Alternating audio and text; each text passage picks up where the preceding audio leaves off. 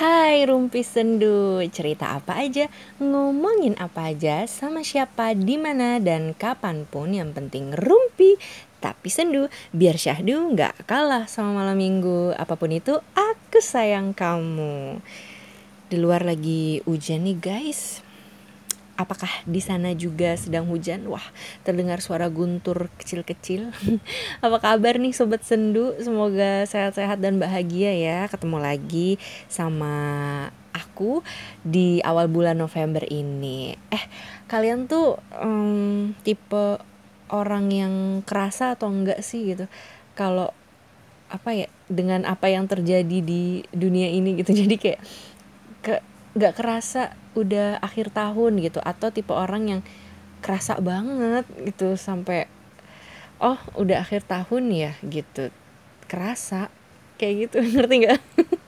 Tahu-tahu udah dewasa gitu tahu-tahu udah menikah padahal sebenarnya waktu berjalan seperti biasa aja gitu. Tapi entah kenapa semuanya tuh rasanya kayak tiba-tiba gitu. Kan ada ya orang kayak gitu kan. Kalau aku tuh e, tipe yang suka bingung gitu kenapa topik obrolan orang tuh entah lagi nostalgia atau lagi lelucuan gitu pasti ada aja yang nyeletuk ih gila ya waktu tuh nggak berasa banget berjalannya tahu-tahu kita udah gede tahu-tahu kita udah ngerasain uh, patah hati berkali-kali tapi tetap mencintai Cila terus yang lain pada nimpalin gitu iya ya ih iya ya ih bener banget iya iya setuju ya gitu. Terus ada yang jadi pembuka topik baru lagi gitu kayak cerita bahwa udah sebesar ini tapi kayak ngerasa masih kecil masih butuh bantuan takut buat menghidupi diri sendiri butuh orang lain yang menghidupi gitu. Terus pada cerita kisah hidupnya masing-masing dan ujung-ujungnya ada aja yang ngomong pusing sama kerjaan pengen dinikahin aja kayak gitu ya. Topiknya tuh nggak berubah gitu. Kalau aku sama teman-teman cewek aku tuh dari kuliah aduh pusing kuliah pengen nikah. Aduh pusing kerja pengen nikah gitu. Ada aja gitu cewek yang kayak gitu. Nah pertanyaannya kenapa ada segelintir perempuan yang menyelesaikan masalah dengan menikah gitu? Padahal menikah adalah masalah baru yang mungkin lebih berat kan Nah malam ini aku pengen ngobrolin ini sama kamu Sindrom Cinderella kompleks. Kenapa sih kok ada aja cewek yang mengalami hal itu? Sebenarnya apa sih sindrom Cinderella kompleks itu? Apakah bahaya? Mari kita obrolin. Cila serius banget ya.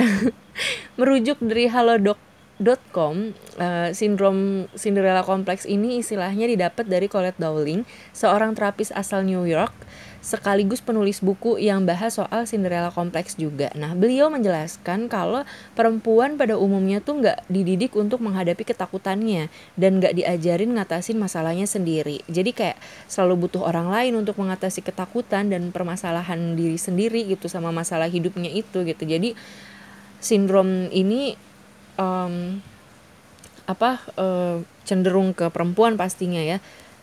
Iya, cenderung ke perempuan dan tapi sindromnya ini tuh belum bisa dijadiin sebuah gangguan psikologis karena belum ada penelitiannya secara mendalam. Nah, ini cuma fenomena dan istilah ini populer gitu di kalangan masyarakat karena terinspirasi dari kartun Cinderella. Nah, tapi kalau ditelaah lagi, sindrom ini berkaitan dengan gangguan kepribadian dependen, sebuah gangguan psikologis yang membuat seseorang sangat tergantung dengan orang lain sehingga nggak sanggup buat hidup mandiri pengen diurusin, pengen dilindungin, pengen ada yang jadi tameng buat hidupnya gitu. Cuma kalau terkhusus di sindrom Cinderella kompleks ini buat perempuan yang memiliki keinginan di bawah alam sadarnya untuk menggantungkan diri kepada sosok pelindung, yaitu laki-laki yang dianggap superior. Kecenderungan itu uh, perempuan ini menilai diri mereka akan hidup tergantung pada kedekatan sosok pelindung.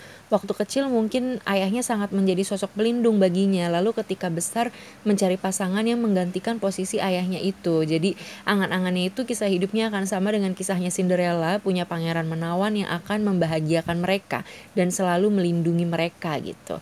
Mereka ini kan punya keinginan gak sadar gitu ya untuk dirawat, diselamatkan secara terus-menerus oleh orang lain, bahkan di luar dari pasangannya itu.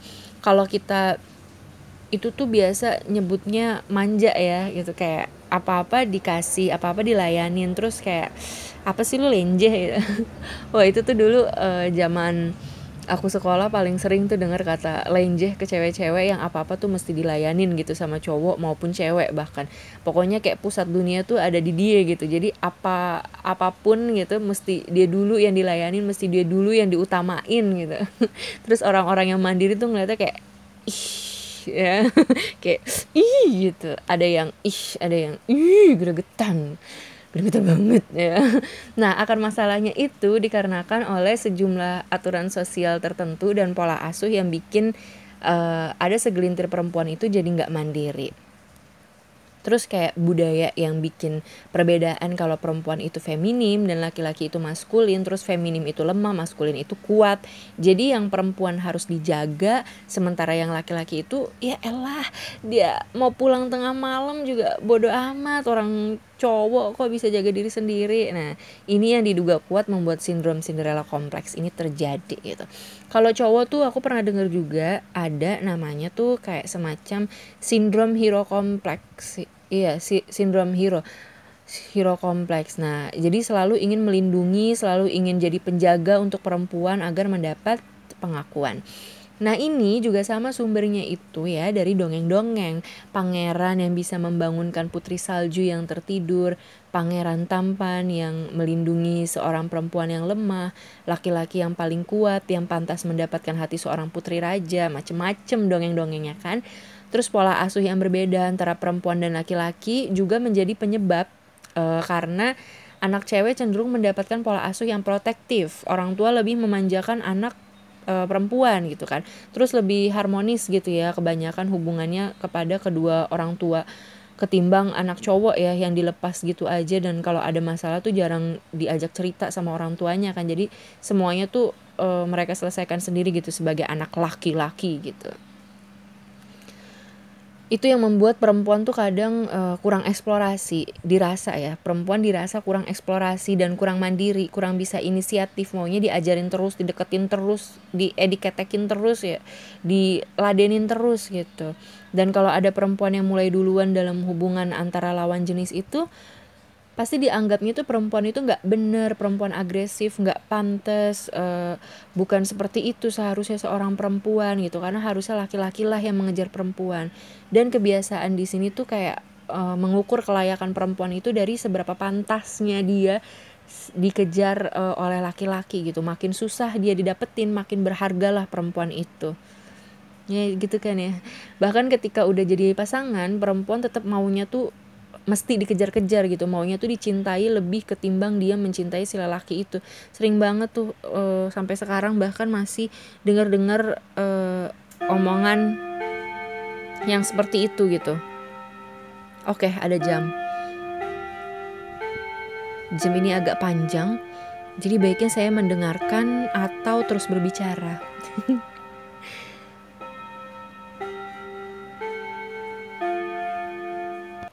Oke, tadi aku skip aja karena jamnya agak panjang. Nah, jadi masih masih sering gitu ya, uh, aku mendengarkan, membaca gitu omongan-omongan orang yang merasa bahwa perempuan itu harus dikejar-kejar gitu. Bahkan, um, pernah ada nih se sepasang suami istri yang si istrinya tuh kelihatan banget sangat melayani, kelihatan banget sangat mencintai, terus orang-orang tuh komen komennya tuh kayak ih kasihan banget nih pasti ceweknya menderita karena seharusnya uh, kebahagiaan uh, rumah tangga itu adalah ketika laki-laki yang jauh lebih mencintai istrinya ketimbang perempuan gitu. Kalau perempuan yang mencintai laki-laki itu uh, bakal apa sih? Bakal rumah tangganya tuh nggak bahagia gitu. Ya pokoknya narasi-narasi semacam itu gitu. Jadi tuh kayak cewek itu gitu. Pokoknya apa-apa tuh cewek tuh seberharga itu gitu. Dibuat jangan sampai disakitin jangan sampai terluka jangan sampai terlalu mencintai jangan sampai ini pokoknya itu tugas laki-laki gitu kan. Benar-benar harus dijaga perempuan itu jangan sampai ternoda sedikit pun gitu. Terus akhirnya lupa bahwa laki-laki juga sering terluka karena perempuan. Habis itu uh, para lelaki yang diam-diam tersakiti itu akan berkata, "Begitulah perempuan, mereka hanya ingat bagaimana mereka disakiti tapi tak pernah ingat sedikit pun luka yang mereka berikan pada orang lain." Aku lupa lagi omongannya itu tuh yang disuka yang suka diomongin Zainuddin kepada Hayati itu loh, "Kekasihku Hayati." Jadi kangen Pevita Pierce. Bulan ini ya Sri Asih tayang di bioskop. Harus nonton. Nah, lanjut lagi nih. Dengan perlakuan-perlakuan seperti itu akibatnya keterampilan hidup perempuan tuh kadang jadi lebih terbatas dan kepercayaan kepercayaan diri perempuan itu jadi lebih rendah gitu. Karena cenderungnya tuh mereka taunya selama belum menikah ya sama orang tua, kalau udah menikah ya jadi tanggung jawab suaminya gitu. Coba kalau cowok dari kecil udah udah dilatih kan uh, dilatih keras untuk menguasai diri sendiri dan lingkungan sekitar gitu. Dipaksa untuk nggak boleh manja karena manja itu adalah cewek gitu. Manja itu tuh perempuan gitu. Kalau cowok manja itu namanya cowok feminim gak laki banget lah. Nah kebanyakan cewek yang kena sindrom Cinderella kompleks ini masa kecilnya itu dimanjain. Jadi mereka tuh diberikan banyak harapan tentang kisah yang berakhir bahagia tanpa mereka mengetahui kalau kita mau bahagia itu ya kita mesti usaha dengan perjalanan dan proses yang panjang sehingga kita jadi berhasil dan itu adalah usaha kita sendiri gitu. Nah nggak jarang juga jadinya tiap ada yang nikah bapak si cewek tuh selalu bilang ke menantunya kamu harus menjaga anak saya melindungi anak saya sebagaimana saya menjaga dan melindunginya sejak kecil gitu. Kalau sampai kenapa-kenapa, uh kayak gitu kan. Padahal sebagai manusia kita semua harus punya basic menjaga dan melindungi diri sendiri. Itu kan insting. Jadi uh, kalau ada bahaya kita bisa bergegas untuk melindungi diri kita dari hal-hal yang mengancam itu. Tapi kebiasaan yang udah turun temurun itu ngebuat banyak perempuan jadi kayak nunggu nggak bisa gue nggak bisa mengatasi ini sendiri gitu. Gue cuma bisa nunggu ada pangeran yang bakal lindungin gue gitu. Cuma ada dua hal yang bisa terjadi. Gue nunggu sampai pangeran gue datang atau gue pasrah dengan hal buruk ini. Narasi-narasi seperti di drama-drama yang tiap ada tindak kekerasan kepada perempuan terus uh, kucuk-kucuk langsung mendadak ada pahlawan tampan yang menolong si gadis tak berdaya itu gitu. Itulah yang ngebuat keyakinan semu bahwa setiap perempuan akan kedatangan pahlawan dalam hidupnya. Dan perempuan-perempuan yang gak kedapatan itu adalah perempuan yang kurang beruntung yang harus berjuang dengan usahanya sendiri gitu. Sedangkan dalam berpasangan ada aja cewek-cewek yang berpendapat kalau cowoknya nggak seusaha itu meraih hati dan nggak seberjuang itu untuk melindungi si cewek berarti cowok itu nggak cinta sama si cewek. Nah hal-hal yang kayak gini juga yang uh, jadi bikin banyak cewek insecure gitu. Jadi rendah diri merasa nggak berharga karena pandangan-pandangan itu. Terus merentet ke mana-mana gitu antara sesama perempuan jadi iri-irian jadi saling benci jadi saling bersaing untuk mendapatkan cowok. Terus ada yang jadi takut deket-deket sama cowok karena takut menghadapi fakta bahwa dia nggak dicintai sebegitunya seperti cewek-cewek manja lain gitu. Terus ada yang ngerasa nggak butuh laki-laki karena itu salah satu bentuk perlawanan gitu bentuk pertahanan diri supaya dia gak disakitin. Kompleks banget gitu kan uh, manusia itu. Padahal kan aslinya nggak perlu begitu juga nggak apa-apa tapi ya namanya kita punya pengalaman masing-masing punya traumatis masing-masing pemikiran sudut pandang lingkungan semuanya itu kan berkesinambungan gitu nggak apa-apa juga jadinya. Nah terus ternyata nggak cuma cewek yang terlihat uh, manja aja gitu yang bisa mengalami tanda-tanda sindrom Cinderella kompleks ini. Jadi cewek yang kuat dan mandiri juga bisa ternyata kena sindrom ini. Umumnya punya ciri-ciri kayak sering ngerasa cemas saat memikirkan hidup sendirian. Jadi walaupun dia mandiri, dia kuat, dia bisa melakukan segalanya dengan sendiri gitu nggak bergantung sama orang lain gitu. Tapi secara emosional dia tuh punya harapan yang mendamba bisa ada gitu loh yang melindungi dia juga. Contohnya gue nih cewek kuat tapi gue nih cuma cewek biasa gitu. Yang juga butuh sosok lelaki yang dampingin gue yang melindungi gue yang mengayomi gue yang menjadi penyelamat di hidup gue gitu Ya mungkin karena itu tadi kecenderungan kita tuh membedakan antara perempuan dan laki-laki se ekstrim itu gitu. Jadi perempuan sekuat apa pun tetap punya rasa ingin diselamatkan dan dilindungi oleh laki-laki. Dan bayang-bayangnya tuh ayah gitu kalau harmonis ya kalau broken home ya bayang-bayangnya adalah sosok lain gitu bisa dari dongeng bisa dari buku film dan sebagainya sementara laki-laki semengerti apa pun tentang domestik sejago apa pun dia masak dan mengurus rumah dan bisa apa aja gitu segalanya gitu dia bisa tapi tetap ingin ada sosok perempuan yang melayani dan merawat seperti bayang-bayangnya akan seorang ibu yang baik nah terus tanda-tanda lainnya itu kayak perempuan ini cenderung menerima terhadap segala keputusan dan pilihan pasangan. Jadi meski dia mandiri tapi dia tetap suka didominasi gitu istilahnya. Ya nurut aja lah gitu. Terus perempuan yang kesulitan menentukan keputusan besar dalam hidup gitu. Jadi pengen ada masukan dari orang lain. Jadi walaupun dia mandiri secara ini itu tapi secara pemikiran dia tuh butuh orang lain gitu. Yang mendampingi dia untuk ini tuh baiknya tuh ini gitu uh, keputusan yang ini tuh mendingan yang ini aja gitu. Nah, ada juga cewek-cewek yang walaupun dia keren, kaya, mandiri, tapi dia lebih suka berperan sebagai ibu rumah tangga aja gitu, tanpa ada pekerjaan yang lain. Terus cewek-cewek yang suka mengungkapkan kalau mereka ingin dimanja, diperhatikan dan ngerasa diperlakukan buruk oleh seseorang ketika hal itu tuh nggak sesuai sama ekspektasi mereka gitu. Nah, tapi hal ini tuh bukan diagnosis ya uh, karena ini kan belum masuk ke ranah gangguan mental dan kalaupun kita ada tanda-tanda seperti tadi ya belum tentu juga kita mengalami sindrom ini karena banyak banget tipe manusia ya kan? Dan banyak banget permasalahan psikis yang uh, terjadi sama diri manusia gitu. Jadi kalau emang kita bener-bener pengen memahami ya lebih baik langsung konsultasi aja ke ahlinya.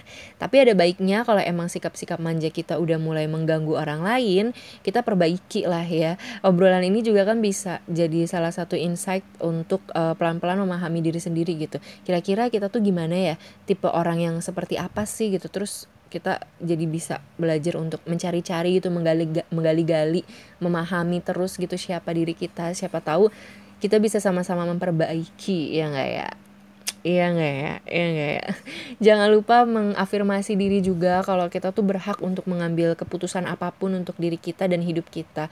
Kalau kita itu bisa bersikap mandiri dan kita itu emang butuh orang lain, tapi kita nggak melempar tanggung jawab pribadi kita dan bergantung secara emosional maupun yang lainnya kepada orang lain terus uh, kita juga bisa mencari-cari potensi dan keunggulan diri kita dan mengembangkannya gitu supaya kita tuh lebih fokus ke hal-hal yang menyenangkan dan berdaya gitu. Jangan lupa selalu perhatiin lingkungan ya guys ya. Pilih-pilih teman yang baik jangan sampai ke bawah energi negatif yang akhirnya kita malah memberikan stigma buruk pada diri kita sendiri gitu. Jadi ketika kita dikatain yang jelek-jelek kita mikir oh iya ya gue emang kayak gitu ya orangnya. Padahal sebenarnya nggak kayak gitu karena kita nggak punya citra positif itu gitu. Jadinya kita mikir jangan-jangan bener nih kata orang nih gue seburuk itu ya kan.